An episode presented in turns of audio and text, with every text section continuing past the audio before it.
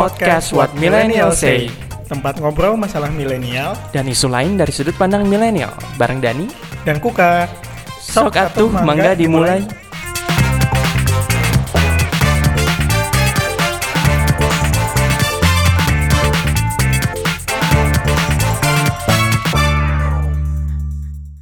Assalamualaikum warahmatullahi wabarakatuh. Waalaikumsalam Apa Jadi kabar eh, Dan? kita sempat kemarin eh, kayak hiatus Maksudnya jeda episodenya itu sampai sebulan kayak Iya. gitu-gitu. Heeh. Ini karena karena gara-gara Kuka. Iya sih.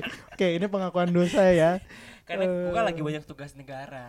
Jadi dia harus Negara harus- Jakarta Pos. Iya, maunya negara. Jadi harus melalang lintang ke mana-mana kan. Melanglang buana. Iya, melalang lintang. Emang Juga ada ada katanya. Ya udah deh, maaf deh. Ya, Pokoknya- jadi pas September ya. Iya. eh, sepanjang September itu ada dua kali tugas ke luar kota. Eh, satu ke Kalimantan Timur, satu lagi ke Demak, eh, Semarang.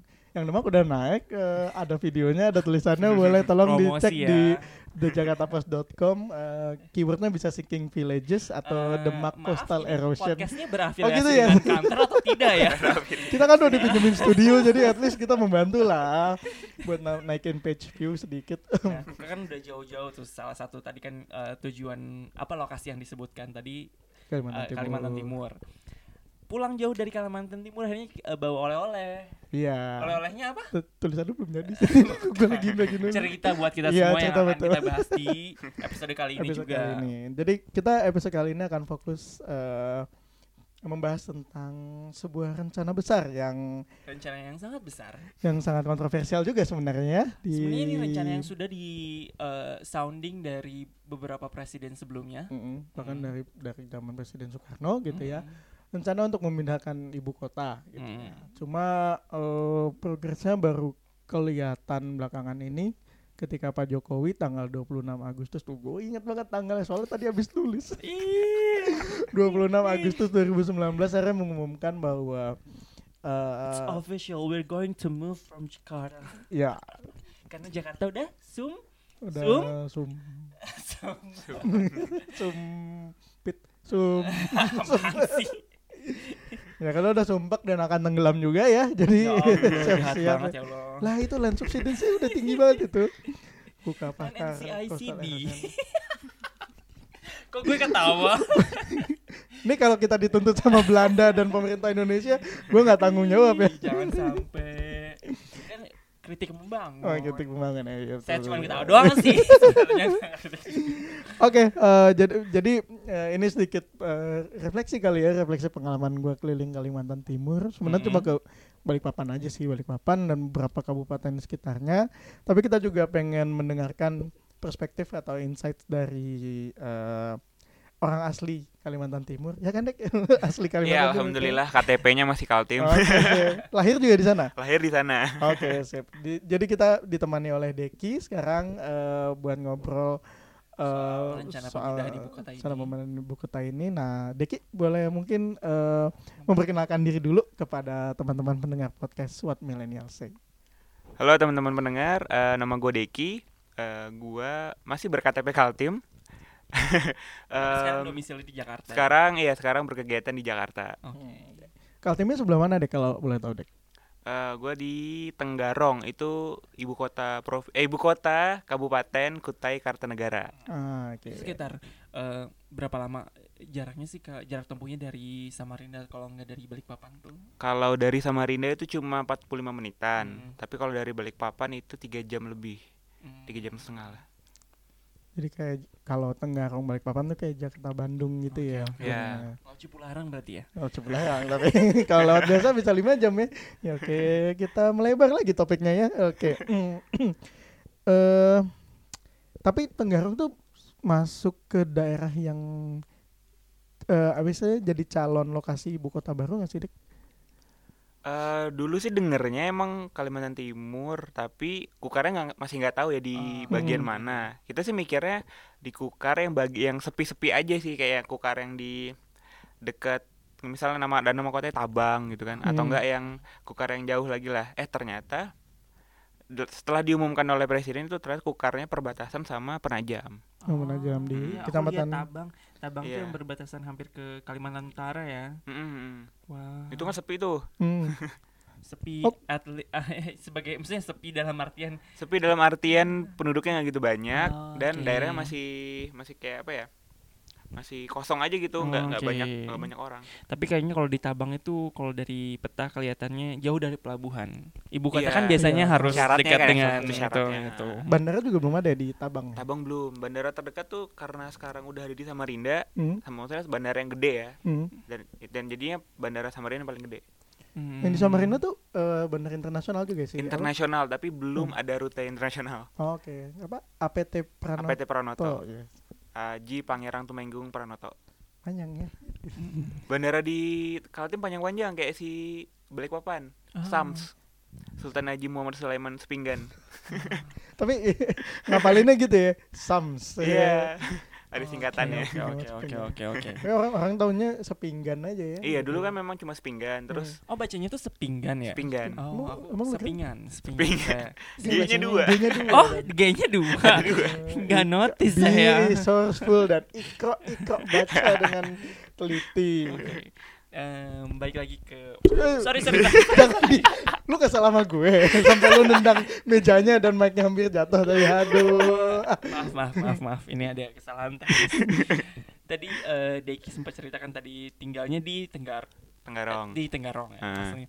Nah ketika eh, isu pemindahan ibu kota ini keluar gitu ya lagi hangat diperbincangkan dan akhirnya sampai ada official announcement dari presiden kalau misalnya Kaltim dipilih jadi lokasi ibu kota baru sebagai warga di sana sebagai orang asli sana gimana sih perasaannya? Kalau gue sendiri itu ngerasanya apa ya? Pro aja sih, maksudnya Ah, seneng aja dengan adanya pemindahan ibu kota kan berarti eh, pusat eh, pemerintahan dan pusat perekonomian nggak cuma terfokus di Jawa kan. mm, mm, mm, mm. Jadi adanya sentralisasi lah istilahnya. Mm, Karena mm, Kaltim sendiri itu kebetulan letaknya memang agak di tengah Indonesia kan. Jadi Mm. memungkinkan buat terjadinya sentralisasi itu. Oh, Oke oke oke oke. Tapi kalau di, kalau dengar dari teman-teman dan keluarga Yang di sana. yang di gitu. sana, Mm. kan kemarin Agustus sempat balik. Mm, Mereka ada yang setuju, ada yang nggak setuju. mm, mm. Kalau yang, yang yang setuju dulu Ya. deh, yang setuju dulu. Yang setuju Oh. itu karena mereka akhirnya apa ya, punya kesempatan yang sama istilahnya. Kan kalau selama ini kan Kalimantan Oke. terutama tuh merasa dinaktirikan kayak wah kita anak kita anak daerah, kita anak Kalimantan nih apa sih Mm. susah susah buat akses, susah buat apa-apa se- Mm, segala mm, macam. mm, mm. Terus dengan adanya pemindahan ibu kota mereka mikirnya wah kita akhirnya uh, infrastruktur kita akhirnya jalan lagi nih soalnya beberapa banyak proyek yang mangkrak terus di Kalimantan Timur Oke. kayak tol tol itu dari jauh banget proyeknya dari 2000 berapa gitu dan akhirnya baru mulai terrealisasi berapa tahun belakangan Mm, yang ini tol Balikpapan Balikpapan Samarinda Samarinda itu. terus Oh. proyek APT Pronoto juga tuh itu Hmm. proyek udah dari lama banget dan akhirnya baru terrealisasi belakangan ini Oke. Terus kalau yang nggak setuju, alasannya apa biasanya nggak nggak setuju itu?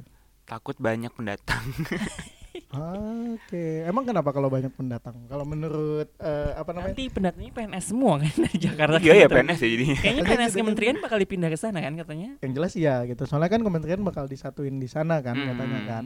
Jadi ya berapa tadi gue baca di presentasi Bappenas tuh satu setengah juta orang memang Iya, bakal pindah ke Oh, oke. ibu kota gitu, gitu. Tapi kenapa sih? Soalnya em, kalau boleh eh, gue coba bandingin ya gitu. Hmm. Maksudnya kan pas gue liputan ke sana juga gue banyak lebih banyak ngobrolnya sama eh, lokal kan Hmm. orang-orang masyarakat sekitar gitu nggak nggak nggak sama pejabatnya.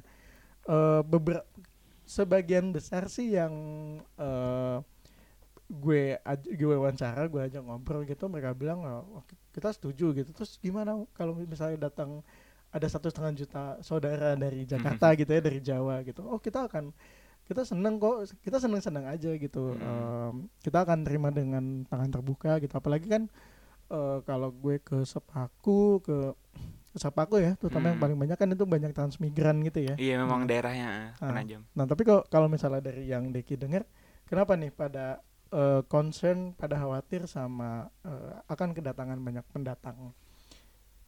Kalau dari teman-teman yang jawab itu katanya mereka takut karena takut ada apa ya kayak kriminalitas semakin tinggi takutnya karena semakin banyak Oh. orang semakin banyak peluang buat terjadinya itu kan. Hmm. Ada yang bilang kayak gitu. Terus ada yang bilang juga kalau misal lebih banyak orang berarti takutnya aja nih em, budayanya tuh apa ya agak-agak berkurang soalnya selama ini di Hmm. Kalimantan Timur itu kita Hmm. pakai bahasa daerah Oh. Hmm. like di sekolah pun kita pakai bahasa daerah sama guru Hmm. sama teman-teman ngobrol pakai bahasa daerah Oh gitu. pakai bahasa ada- Kutai pakai bahasa Banjar Oh. Kalau kalau Deki pakai bagus sebenarnya plasternya. Jadi mesti kan Hmm, bahasa sih. daerahnya tetap terjaga kan. kalau di Tenggarong kita mostly pakai bahasa Kutai Hmm. Oh. ngomong di rumah ngomong di sama guru bahkan kalau ngomong bahasa Indonesia kita terbata-bata Oke, karena I saking kayak jarang yang ngomong bahasa Indonesia kan jadi kalau ngomong bahasa Indonesia tuh aduh gimana ya ngomongnya Oh jadi mungkin tak ada eh, ketakutan untuk kesulitan berkomunikasi mungkin nantinya ya. Hmm. Nanti Ya mungkin dengan, dengan datangnya pendatang juga ya udah deh kita pakai bahasa Indonesia. Masih Mm-mm. dibiasakan gitu kan bahasa Mm-mm. Indonesia ya. karena biasa selama ini kan pakai bahasa daerah gitu. Heeh, nah, pada Hmm. akhirnya mungkin nanti bahasa daerah jadi terlupakan gitu kan Mm-mm. karena udah keseringan pakai bahasa Indonesia gitu. Hmm. Hmm, ya iya sih masuk akal juga sih concernnya sih. Tapi kalau bahasa Kutai itu kayak gimana sih Dek? Coba boleh di bahasa Kutai itu kalau gue ngelihatnya sih kayak bahasa Malaysia tapi tanpa logat Oh. Melayu. Melayu jadi kayak Oh, misalnya eh, awak eh kamu mau ke mana jadi Ah. misalnya awak awak ndak ke mana Hmm. awak ndak ke mana tapi tapi nggak ada logat kayak kalau kalbar kan ada logat kental tuh Ah, ah. logat Melayunya kalau di bahasa Kutai kita nggak punya logat yang gimana banget jadi Oh, misalnya oke, oke, oke, kamu mau oke. ke mana nak mana awak awak nak mana jadi kayak nggak ada nak mana awak itu kan Oh, Melayu kan Oke oke oke. Ngerti nggak, ngerti nggak? Iya. Kalau memper- eh. memperkenalkan diri pakai bahasa Kutai kayak gimana Dek? Apaan sih aku formal atau informal ya aduh Eh, eh, Em, dua-duanya deh. Coba kalau formal gimana? Kalau emang, emang beda. eh enggak sih enggak ada enggak ada enggak ada, nggak ada. nggak ada Eh, gini jadi misalnya kenal kenalkan nama nyawa nama nama, nama nyawa Deki Hmm. nyawa nih dari Tenggarong nyawa tuh aku Oh, saya oke. Nyawa tuh. Nyawa awak awak tuh ya kamu Iya. derivasi banyak dari bahasa penyerapan banyak dari bahasa Melayu sih emang Hmm. cuma nggak punya logat aja Iya. nggak ada logat kalau Melayu kan nak mana awak Hmm. kental tuh logatnya tuh nah, Ah, macam tuh ya bahasa Melayu Nah itu. Melayu. Kayak upin-ipin nih. iya Ya emang Emang pilih mau emang itu. Tapi balik lagi ke soal pemindahan ibu kota ini ketika ketika eh, ada pengumuman resmi itu kalau misalnya dipilih bakal jadi em, Kaltim yang dipilih bakal jadi lokasi baru ibu kota itu, Mm-mm. kamu sendiri kayak merasa kaget gak atau misalnya ah kayaknya emang dari dulu udah sempat ada kabar-kabar kalau Kaltim mau dipilih nih gitu gimana? Kalau gue pribadi sih kaget sebenarnya, Oh, karena belakangan ini deng- dengernya kan Kalteng. Heeh. Kayak dari dulu tuh dari Presiden Soekarno ya. Hmm. Waktu itu sempat ada wacana juga kan, Hmm. pindahnya ke Kalimantan tapi di Kalteng. Mm-mm. Terus mikir lagi nih waktu awal-awal ada isu ini, eh, mencari wilayah yang jarang ada bencana segala macam kan. Mm-mm. Kalau misalnya dari Kaltim sendiri memang gempa pun dari 20 tahun tinggal di sana nggak pernah. Iya.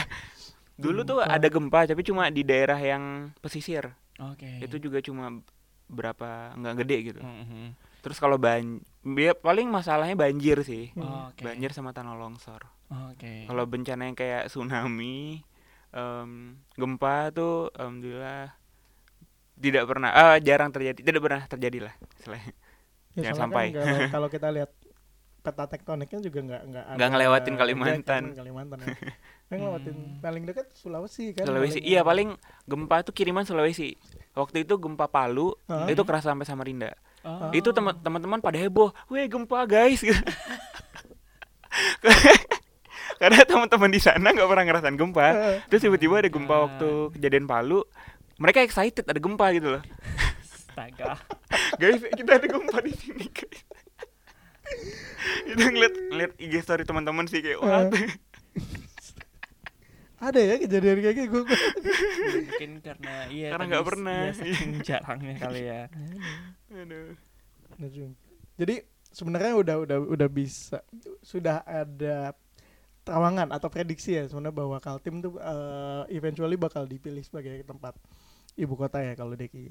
Iya karena dilihat dari syarat-syarat yang disebutkan Mm-mm. di media kan kayak Hmm. syaratnya A B C D E itu kayak mungkin Kaltim masuk deh iseng aja kayak masuk Hmm. deh Mm. eh ternyata beneran Mm. terus ini ketika eh, si pengumuman resmi udah keluar terus kamu sebagai udah 20 tahun tinggal di sana juga kan ya, udah sebagai warga di sana gitu. Ketika ngelihat apa eh ketika di ngedengar konsep ibu kota sendiri kebayang gak sih Kaltim yang sekarang itu nanti ketika ibu kota benar jadi dipindah konsep ibu kotanya itu bakal nanti kotanya tuh bakal jadi kayak Jakarta atau gimana sih kebayang nggak kayak gimana akhir nanti itu Kalau kebayang sih sekarang aja nih di ibu kota, kan aku tinggal di, di, di Tenggarong kan. Mhm. Tenggarong kan ibu kota kabupaten. Hmm. Nah di Tenggarong sendiri sebenarnya itu sudah dicanangkan dari awal sebagai ibu kota kita nih harus maju. Udah ada udah ada bangunan CBD Tenggarong bahkan. CBD, Central Business District Iya, gitu, distrik oke. Tenggarong. Sudah ada bangunan CBD Tenggarong, sudah ada taman-taman fasilitas yang mumpuni lah istilahnya, nggak Hmm. kalah sama yang di Jawa. Tapi mangkrak. Oh, Oke. Tapi si CBD itu maksudnya sekarang udah ada barang jadinya gitu, udah dimanfaatkan gitu atau gimana? Jalannya udah, tulisannya udah ada tapi tidak dilanjutkan. Oh. Udah tahun berapa dek itu proyek CBD itu CBD 2014 2015. Oh, ada deh oke. gambar mana. ya. Iya, lama juga, kacau juga. Jadi Itu tuh jalannya udah- udah ada. Udah ada jalan, udah ada Tapi taman tuh bangunannya belum ada. Bangunannya belum ada. Oh. Dulu juga udah ada wacana buat bikin mall, bikin kayak tower isinya buat disewa-sewain lah kayak di Jakarta. Mm-mm. Eh tapi karena katanya tanah di Tenggarong tuh belum cukup padat katanya waktu itu. Jadi Hmm. mallnya mangkrak lagi, mangkrak juga. Karena kebanyakan gambut. Misalnya kan, Tanahnya kalau- jadi belum belum apa ya kayak belum berani buat dibikin Hmm. bangunan tinggi. Gitu. Oke. Kalau gambut kan soalnya kan dia basah Gembur kan. gitu kan. Nah, iya. Mm. eh, nah itu dia kalau basah kan akan akan mahal gitu kalau misalnya bangun bangunan gitu kan. Lu bikin pondasinya mesti dalam Dalam banget ya mesti gitu dalam kan. banget. Jadi mahal. Enggak Terus gimana yang Sambal Terong itu daerah situ itu daerah Gamut juga bukan? harusnya iya Mostly sih. ya. Kalimantan sih, kan. Iya, sebenarnya ya enggak enggak 100% juga sih, tapi 75% dari tanah Kalimantan kayaknya gambut, semua. Gambut. Iya. Apakah ini sudah dipikirkan oleh orang-orang di atas sana Ya. ketika Oke, jadi, jadi, ini Deki sih- baru nunjukin karena kita nggak pakai video jadi iya kita gambar Oh, iya. CBD yang di Tenggarong itu. Iya udah ada bundaran sendiri, udah ada Hmm. kayak Hmm. Jalan sendiri dibikin. tapi udah cuma gitu doang ya. Iya, jadi gini doang tapi Terus enggak. berdebu aja dong gitu Iya, kayak. berdebu aja. Ah, Terus udah ada God. giniannya, lihat. Ah. Tapi itu cuma gitu doang, maksudnya nggak Iya gini doang. Jadi sebenarnya tuh lebih banyak lagi yang diba- yang bisa dibangun cuma karena mangkrak itu, hmm, karena mangkrak jadi nggak nggak dilanjutin aja. Tapi eh, berarti kalau orang sana istilahnya berharap dengan ibu kota akan dipindahkan Hmm. ke Kalimantan Timur, terutama yang yang kayak gini-gini yang mangkrak-mangkrak ini akan akan berlanjut gitu ya. Iya, dengar dari teman-teman juga positifnya adalah berharap biar infrastruktur infrastrukturnya lebih dibangun aja. Hmm. Kayak ketersediaan em, transportasi umum kayak gitu. Hmm, hmm, hmm, hmm. Iya sih gue merasa banget waktu ke sana kayaknya Susah, susah banget gitu emang. kan ke mana-mana kan. Terus lo ke sana ke mana-mananya naik apa? Ya untungnya waktu Charter itu ya, ada, dari ada ini ya. driver sih Hmm. gitu kan. Terus eh, kalau untuk di Balikpapan sendiri kan eh, yang online-online kan udah ada lah gitu, Hmm. taksi online atau ojek online gitu kan. Kalau di Tenggarong ini juga baru-baru ada Hmm. Gojek sama Grab. Oke. baru-baru ada. Dan sebenarnya nggak kepake karena orang-orang Kalimantan Timur pada punya kendaraan. Iya. Enggak bukan bukan Kalimantan Timur, di Tenggarong ya. Karena Jadi- udah terbiasa jarak jauh itu jadi Mm-mm. mereka punya kendaraan ya gitu ya. Kalau mau nonton bioskop kan ada di Samarinda. Jadi Hmm. kita dari Tenggarong naik motor 45 menit Oh. buat cuma nonton bioskop. Dan itu eh, medannya adalah jalan berbukit, jalan yang hutan. Oh gitu. Itu yang kalau mau nonton bioskop kita harus Gila. menempuh jalan itu. Tapi sudah beraspal kan? sudah, sudah.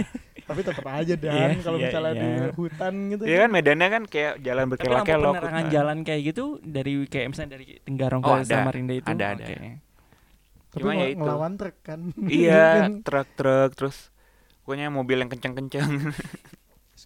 Iya saya waktu gue ke sana juga jalan kalau udah keluar kota tuh ya kurang lebih medannya kayak gitu gitu kan. Mm-mm, lewat Eh, hutan, masuk hutan. hutan gitu. Kalau misalnya bukan hutan berarti kan kebun, kebun gitu kan. Hmm, nggak sawit, tebing ya atau sawit. apa gitu Ya, atau sama kayak jalanan Sumatera sih basically kayaknya Hmm, mirip-mirip gitu mirip-mirip ya. lah.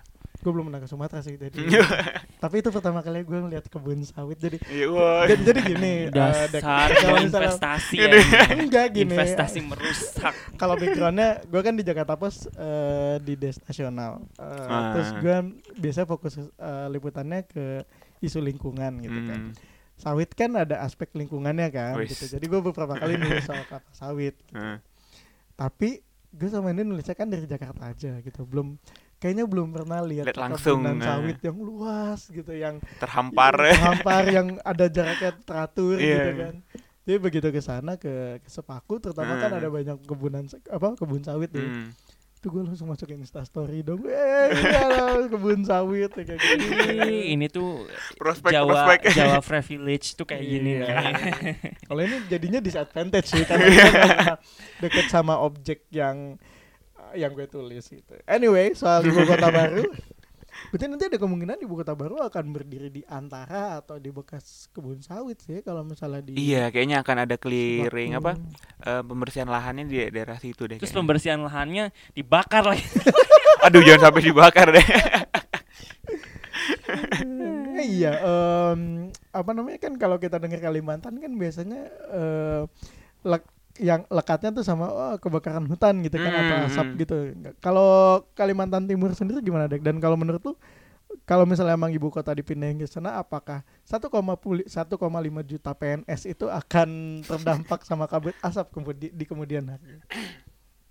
Em, nggak tahu ya kalau ke depannya gimana Hmm. tapi kalau di Kaltim sendiri sih insya Allah jarang jarang banget ada kasus kebakaran hutan kayak gitu Hmm. biasanya sih ada tapi kiriman biasanya ya Hmm. kiriman dari provinsi sebelah provinsi tetangga Hmm. gitu. Jadi bukan bukan lahan di Kaltim yang terbakar gitu ya, tapi mungkin ada tapi mung- tapi mungkin sebagian besar itu dari dari apa kiriman dari lain soalnya selama tinggal di sana nggak pernah merasakan kabut asap Hmm. kayak baru tahun ini aja nih yang wah yang wah banget tuh yang heboh kasusnya yang pesawat lu sampai di itu yang di divert iya aduh Jadi gimana pesawatnya harusnya mendarat di mana? Eh jadi waktu itu pas balik Agustus kemarin harusnya mendaratnya di Samarinda Hmm. udah beli tiket kan wah Samarinda biar ke Tenggarong deket nih rencananya Hmm. eh tapi karena jarak pandangnya kata pilotnya jarak pang jarak pandangnya kurang memungkinkan jadi akhirnya pesawat di divert ke Balikpapan Hmm. dan tidak dirembes itu tuh part yang paling sedih Jadi lu me- mesti mengusahakan sendiri transport dari Balikpapan iya ke jadi Tenggarong. jadi dari Balikpapan ke Samarinda itu Hmm. bayar lagi sendiri Oh naik pesawat lagi itu. Enggak naik naik mobil charter Pakai mobil tra- Oke. travel pakai travel Oke. nah Jadi- kata si maskapai Hmm. dia mau eh, katanya besok pagi ada flight kalau mau dari Balikpapan ke Samarinda tapi besok pagi ya kita nggak kita nggak ngasih penginapan Mesti tanggung sendiri. karena katanya bukan kesalahan maskapai masuk akal sih. iya masuk akal sih sebenarnya dia mau marah tapi benar juga sih sih, Eh tapi kenapa nggak langsung dari Balikpapan ke Tenggarong aja? Nah, harus ke Samarinda dulu. karena situasinya adalah ada teman yang jemput di Samarinda jadi mau nggak mau kayak aduh nggak enak sama dia nih udah Iya, nunggu iya. lama jadi udahlah ke Samarinda dulu jadinya Terus sekarang tuh karena belum ada tol itu dari Balikpapan ke Samarinda berapa lama sih? Tiga setengah jam kurang lebih Oh. hmm. sekitar itu melewati hutan. hutan Bukit Soeharto Bukit Soeharto. yang yang dalam banget apa yang deep into jungle banget Oh, oke, oke, Tapi sebenarnya eh, pas wacana pemindahan ibu kota ini mulai keluar dan Kaltim itu termasuk eh, kan dari awal kan ya yang katanya Jokowi ke sana gitu kan. Hmm. eh sebenarnya udah banyak orang yang mengkhawatirkan oh iya nanti kalau ke sana hutannya akan habis gitu akan gundul gitu. Apalagi eh, ini kan Tahura kan ta- eh, apa sih taman taman hutan, hutan raya, raya. Eh, apa Bukit Soeharto itu kan? IR Haji Juanda Dago. jauh dan. Itu di Bandung dan. Ini yang di Kaltim gitu. tapi emang eh, apa namanya Deki gitu mungkin sebagai eh, orang asli Kalimantan Timur punya insight eh, insight nggak? Emang eh, hutannya tuh masih masih lebat gitu nggak di di Kalimantan Timur atau gimana soalnya yang ku dengar em, beberapa peneliti di Jakarta bilang eh, bahkan yang Tahura Bukit Soeharto itu udah pada gundul gitu Hmm. gitu tapi sebenarnya kondisinya gimana sih kalau alam di sana Kalau hutan sih menurut gue masih aman aja, maksudnya masih gue ng- yang nggak aman itu adalah Mm-mm. em, di daerah Kukar justru Hmm. karena daerah Kukar sebelumnya kan bolong-bolong karena batu bara. Hmm, kayak tambang ya. Tambang itu kalau lewat Teng- eh, Tenggarong Samarinda itu se- sepanjang jalan tuh banyak bolong-bolong, banyak bolong-bolong danau bekas penambangan. Oke. Sebenarnya udah maksudnya ada kalau dari dulu ya itu udah udah apa ya udah nggak gun udah nggak aman lagi sebenarnya Hmm. tapi maksudnya aman adalah mungkin Kalimantan Timur sepenuhnya ya maksudnya di Kalimantan Timur yang kukar tabang sananya lagi di barat itu itu masih hutannya masih ini Hmm, banget sih betul. tapi kalau udah yang daerah yang bawah ya kayak Balikpapan Penajam itu memang karena memang daerah industri jadi ya buat pembebasan lahan ya buat hutannya jadi mau nggak mau harus di dihabisin di- Dihabisin, tapi- gimana ya dihabisinnya mungkin karena buat infrastruktur juga ya Hmm. jadi nggak yang harusnya sih udah ada analisis kayak apa sih amdal gitu-gitu ya ya amdal. harusnya sih udah bisa udah punya bekal itu jadi nggak akan merusak secara bener-bener banget gitu loh. Tapi kan amdal di Indonesia kan iya juga sih. Banyak banyak mainnya itu. Tapi ya udahlah mari kita berdoa aja semoga itu. tapi kalau misalnya eh, Deki dengar eh, frase atau kalimat gitu dalam satu kalimat ibu kota negara di Kalimantan. Kepikirannya bentuk kotanya seperti apa sih kalau yang di udah ada kan ya desain yang udah desain yang dari Hmm, PUPR itu udah PUPR ada ya. gitu kan ah, yang katanya Forest City atau apa loh itu namanya itu kebayang sih maksudnya yang kebayang bundar bundar gitu. itu Iya, ya gitu. Kes- apa ada kayak Lima, Ah, apa sih Iya, kayak- gitu, yang gitu. kayak apa oke, itu pentagram lingkaran Iya. setan gitu Jangan, Iya, bener. kayak mau manggil setan gitu Ih. Bener. kebayang buat yang itunya cuma Hmm. kalau buat yang eh, pembangunan infrastruktur semacam kereta kan ada juga tuh kereta Iya, segala iya, macam iya. itu belum kebayang sih Ah. karena dari dulu wacananya mau bangun kereta di Kalimantan Timur belum iya Kalimantan sepenuhnya lah ya belum ada terwujud sama sekali jadi kalau kalau di bidang infrastrukturnya masih belum kebayang sih Tapi apakah eh, apa misalnya em, oh kebayang mungkin kayak apa ya? Eh, oh ke eh Deki pernah ke Malaysia kan? Eh, Pernah, pernah. pernah mampir ke Putrajaya. Putrajaya benar Nah, apakah mungkin bentuknya kayak gitu gitu kayak gue gue juga belum pernah ke Putrajaya sih sebenarnya tapi apakah mirip Putrajaya atau mirip entahlah eh, ibu kota ibu kota ibu kota lain gitu yang dipindah gitu. Kayaknya sih untuk tahap pertama mungkin akan penuh dengan gedung-gedung kementerian deh kayaknya ya. Kebayang sih em, satu daerah gitu yang bulat itu kan kayak istilahnya pusatnya kan.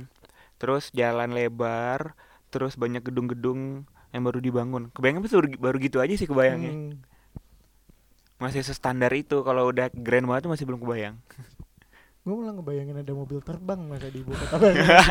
Paco Mungkin eh, iya, jadi eh, waktu itu sempat baca artikel katanya ada kereta MPV AR, ART MPV Rail Transit di ibu kota baru. Katanya wacana dari Itu- ma- itu apa tuh? dari menteri menteri perhubungan. Oh. Jadi dia kereta Hmm. berbasis rel tapi di jalan raya. Kayak tram, bukan?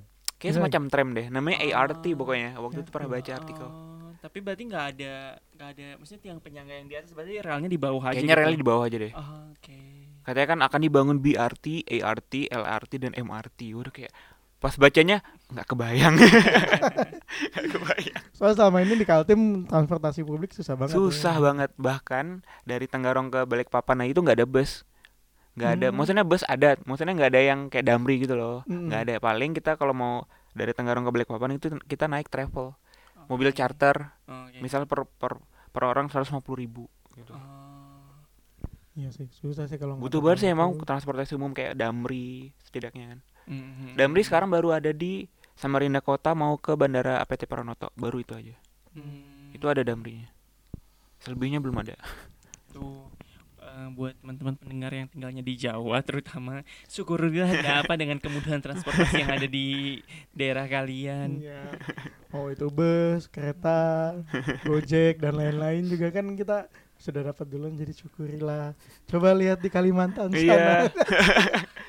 Terus ada yang lucu lagi. Waktu itu gue balik dan baru tahu ada Gojek dan Grab. Ah, Karena gue heboh dong, guys, gue naik Gojek di di Tenggarong. Padahal punya punya punya motor kan, tapi iseng aja, kayak pengen main terus pakai Gojek gitu. Terus pas ketemu teman-teman, ngapain pakai Gojek? soalnya biasanya naik motor sendiri gitu. Iya.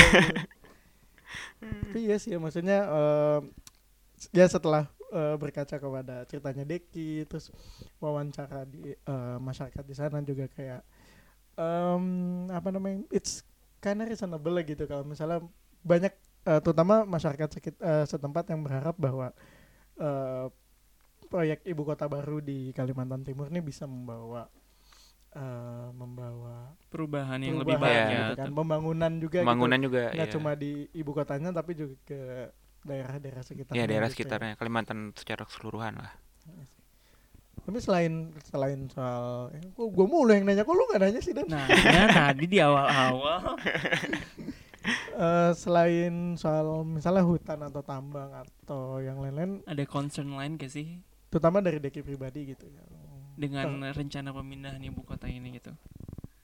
paling concernnya itu doang sih buat pem- pembebasan lahannya aja kita masih nggak tahu kan gimana ntar Mm-mm. buat mencukupi lahan yang akan dibangun buat ibu kota baru Mm-mm. lalu berkaca pada yang eh, penem- pembangunan tambang tuh aduh bolong-bolong banget. Kalau lihat dari atas tuh kelihatan bolong-bolong banget. Mm. kalau lihat dari pesawat. Itu tempat yang banyak anak-anak meninggal itu meninggal kan. iya iya benar-benar. Sempat dibikin dokumenter juga kan. Iya betul. Tuh disebut di sini judulnya. Iya maksudnya jangan sampai nanti ketika udah di apa di kan sekarang, sekarang udah diproklamirkan kan udah diumumkan secara official gitu. Terus nanti ketika oke nanti proyeknya mulai jalan nih terus tiba-tiba nanti mangkrak terus udah gitu aja ja, maksudnya dibiarin Iya, gitu takutnya aja, kayak gitu aja sih. gitu kan. Soalnya sering banget kejadian di Kalimantan Timur, proyek-proyek yang grand besar gitu kan, eh tiba-tiba mangkrak, nggak jadi gitu. Hmm, jangan sih, jangan Makanya. sampai. Nanti Hmm. kan kasihan aja kayak lahan udah dibabat kan, maksudnya hutan-hutannya Hmm. udah dibabat terus jadi ujungnya jadi debu doang gitu. iya sih Iya sih. Bungaran kosong gitu kalau misalnya udah setengah jadi, aduh. padahal kan udah mungkin ngusir masyarakat adat juga di sana gitu Iya, Soalnya gue betul. sempet ke pas di Sepaku itu mampir ke semacam namanya kelurahan eh, kan Sepaku itu kecamatan. Mm, Tapi ada juga kelurahan Sepakunya gitu yang katanya di situ tempat eh, bermukimnya orang-orang masyarakat adat Pasir. Oh pasir Eh, ya. Pasir, eh, Pasir balik eh, Hmm. Terus ya ya kalau concernnya mereka sih di situ apa namanya ya kita kan belum punya eh, legalitas nih atas tanah yang mereka tempati gitu padahal mereka katanya udah tinggal di situ dari zaman Belanda Iya. eh, baru datang ke Kalimantan gitu ya Eh, ya mereka takutnya nanti eh, kena gusur lah atau Mm-mm. apalah gitu atau tanahnya direbutan seenak jidat gitu kan karena karena dia mereka nggak punya sertifikat jadi mereka nggak punya eh, mekanisme buat mempertahankan tanahnya Nggak itu ada kan. legalitasnya itu. Mm-mm.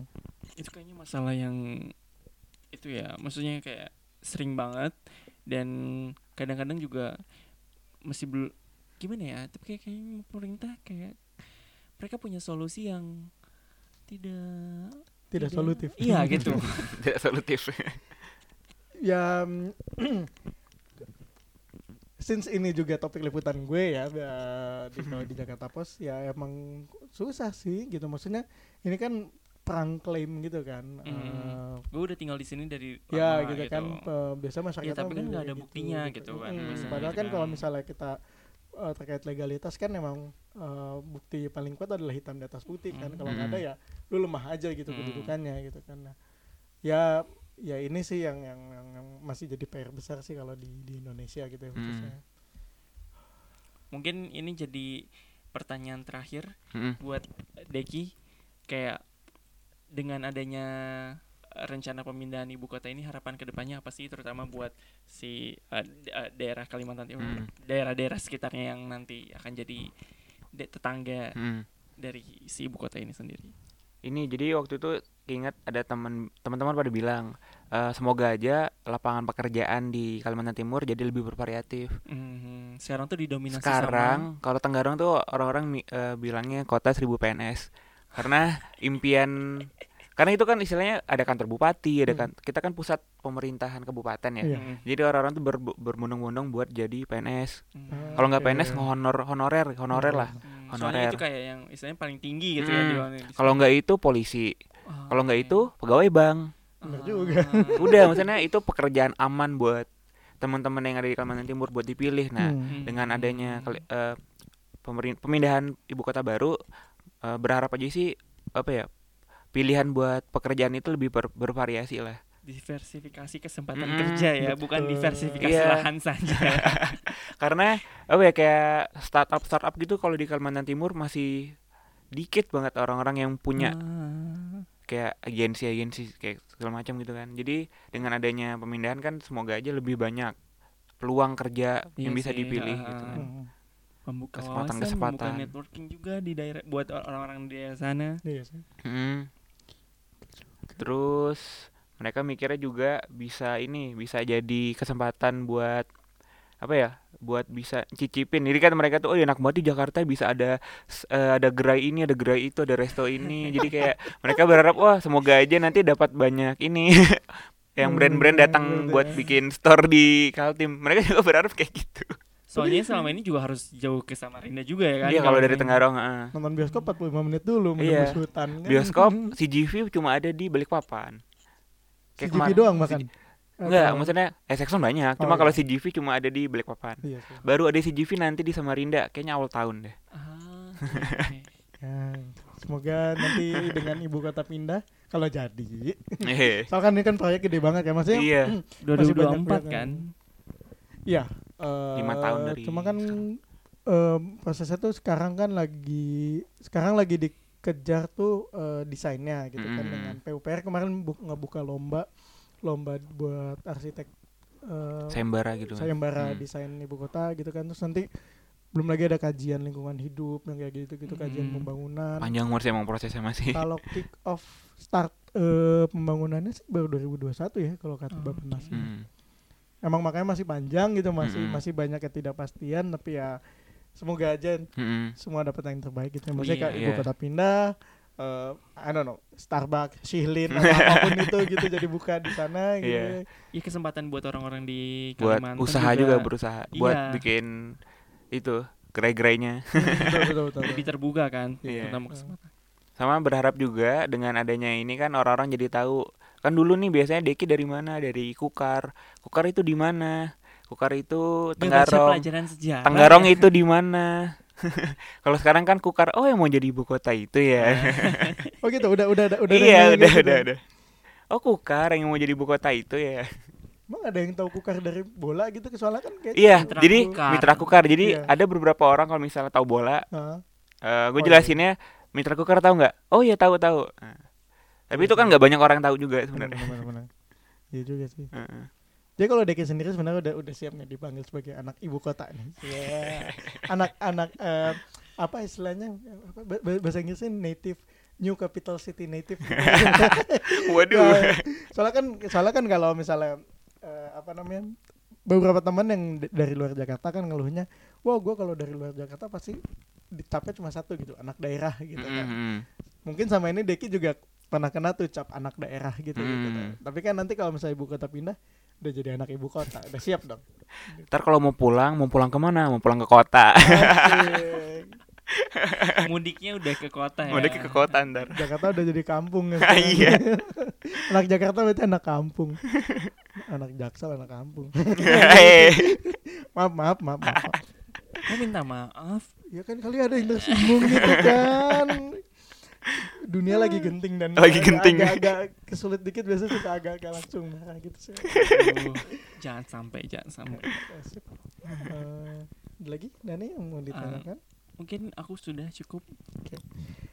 Kalau gue juga udah sih. eh, so thank you so much Deki sudah bersedia buat hadir di sini dan Thank you juga. berbagi pendapatnya, insight-nya, perspektifnya soal rencana pemindahan ibu kota ini. Semoga ya sebenarnya kita cuma bisa doa doang sih. ya. Mm. Kecu- Kecuali kita jurnalis bisa melakukan sesuatu untuk Investigasi, atau eh. ya gitu kan. Tapi ya mari kita berdoa supaya rencana pemindahan ibu kota ini eh ya terwujud lah gitu ya. Demi, demi demi pemerataan eh, pembangunan Mm-mm. dan Perekonomian. eh, perekonomian dibukanya gerai-gerai yang lama diidamkan yang cuma Jakarta sampai pokoknya nanti ketika eh, udah hutannya dibabat, terus proyeknya mangkrak. Betul tuh, itu juga. ya semoga Semoga saja tidak. semoga yang terbaik lah buat kita Iya. dan buat Kalimantan Timur khususnya. Oke, Deki eh, sekali lagi thank you so much telah Siap, hadir siap. di Thank you sini. juga. Eh, sudah berbagi cerita. Untuk- Juga terima kasih juga buat Mas Bayu. ya kita kita yang betul, betul sekali. Mas Bayu, terima kasih. Mas Bayu itu produser multimedia di Jakarta Post. Oke, gitu. ha? Nah, setelah dia mendengar eh, pod- promo podcast kita, mendengar podcast kita, oh dia nawarin Hmm. kalau mau pakai studio boleh deh pakai aja studio jadi alasan kita di sini deh gitu. Oh, luar biasa. rekaman tanpa gangguan bunyi angin Wah, dan makanya nih. lain-lain gitu. Proper banget ya buat syuting podcast ya. Uh, uh. Oh, iya kan mau makanya Jakos kalau mau bikin podcast boleh anyway eh, terima kasih juga kepada teman-teman mendengar podcast What Millennials Mil- Millennial Say yang sudah mendengarkan episode ini Eh, Seperti biasa kalau misalnya ada saran, ada ya kritikan dan juga punya ide yang ingin kita bahas dan atau mau jadi bersedia jadi bintang tamu Betul, seperti Deki di sini bisa colek-colek kuka di KKV 106 dan bisa colek Dani juga di @rasa dan Irama. Oke. Itu Twitter dan IG ya Dan ya. Iya, atau enggak di eh, di email kita di podcast wms At at gmail.com Jangan, jangan salah kasih password soalnya passwordnya ya udah deh. Iya, apa? Waduh. Malah dikasih tahu sih bego. Nah, kita tuh biasa karena kita kurang kreatif, jadi kita biasanya menutup podcast ini dengan dadah aja gitu. Nah, Hmm. jadi eh, mari kita tutup podcast ini dengan sama-sama bilang dadah di hitungan tiga, Dua. dua, satu. Dadah. Dadah.